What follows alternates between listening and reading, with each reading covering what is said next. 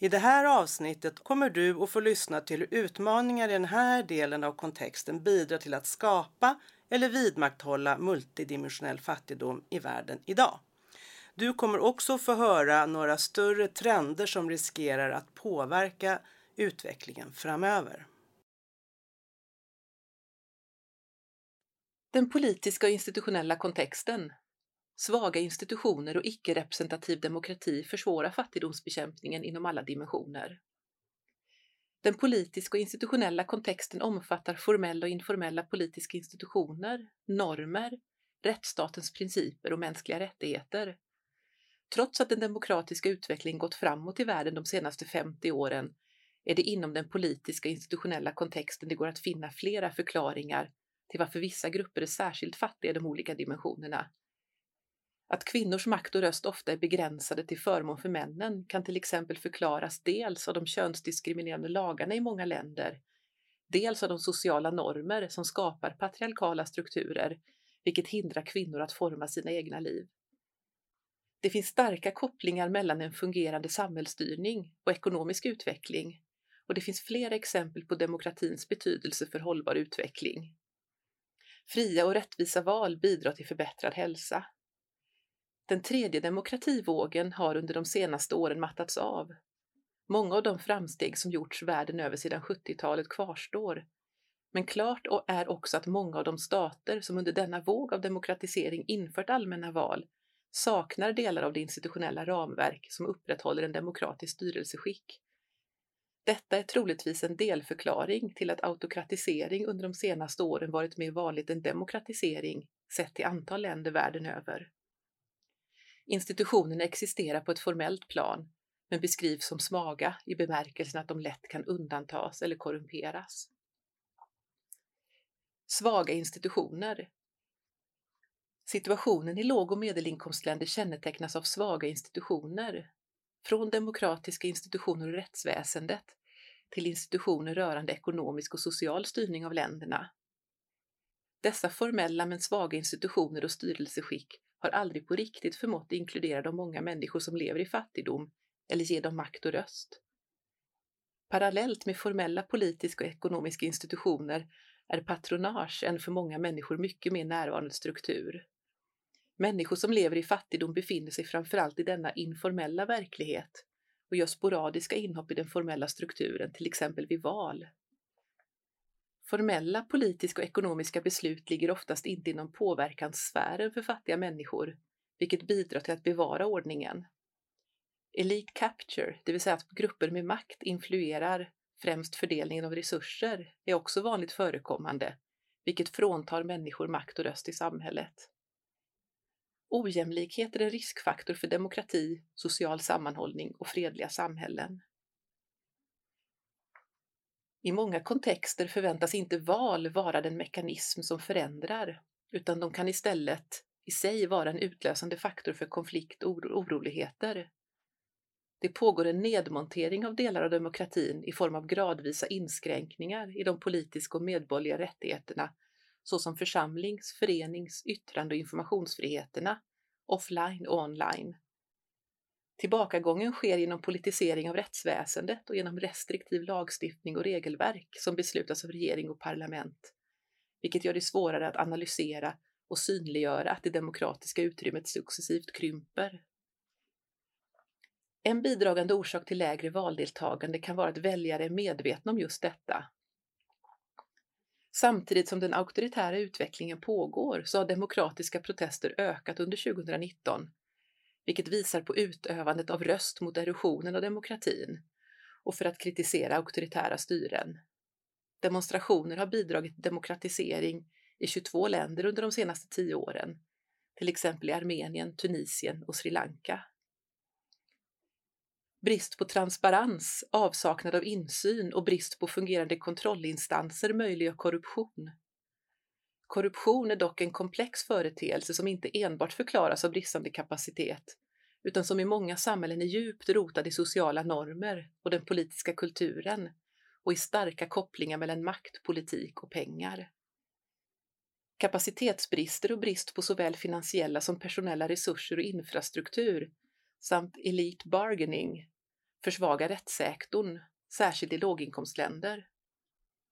Korruption och straffrihet i rättssektorn för resursstarka omöjliggör likabehandling och förutsägbarhet.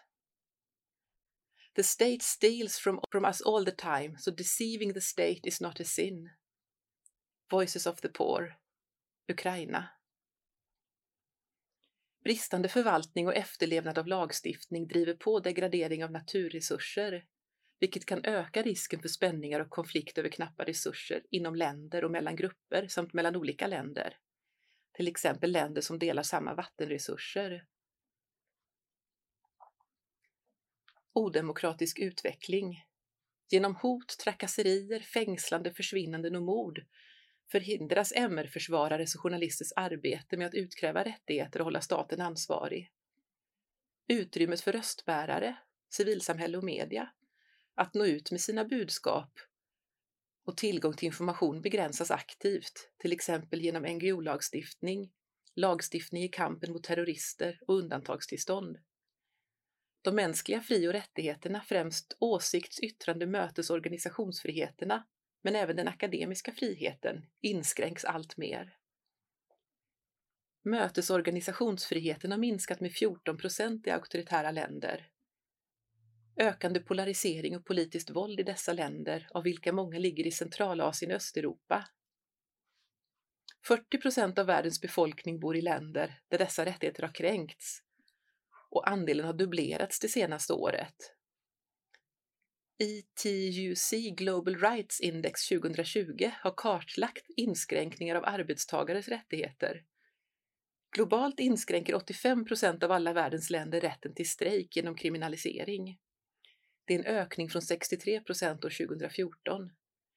Rätten till kollektiv förhandling är begränsad i 80 procent av världens länder, vilket understryker den negativa utvecklingen, då samma siffra var 60 procent år 2014. Oppositionspartier och politiker är särskilt drabbade av övergrepp såsom att stängas av, bli avsatta, utsatta för orättvis rättegång, inskränkningar i åsikts och yttrandefriheten eller tortyr och omänsklig behandling, enligt IDEA och International Parliamentarian Union. IPUs kommitté för parlamentariker och mänskliga rättigheter noterade år 2019 det högsta antalet nya fall hittills. Whilst previously characterized by strength of its democracy, the political climate has deteriorated since the 2016 election.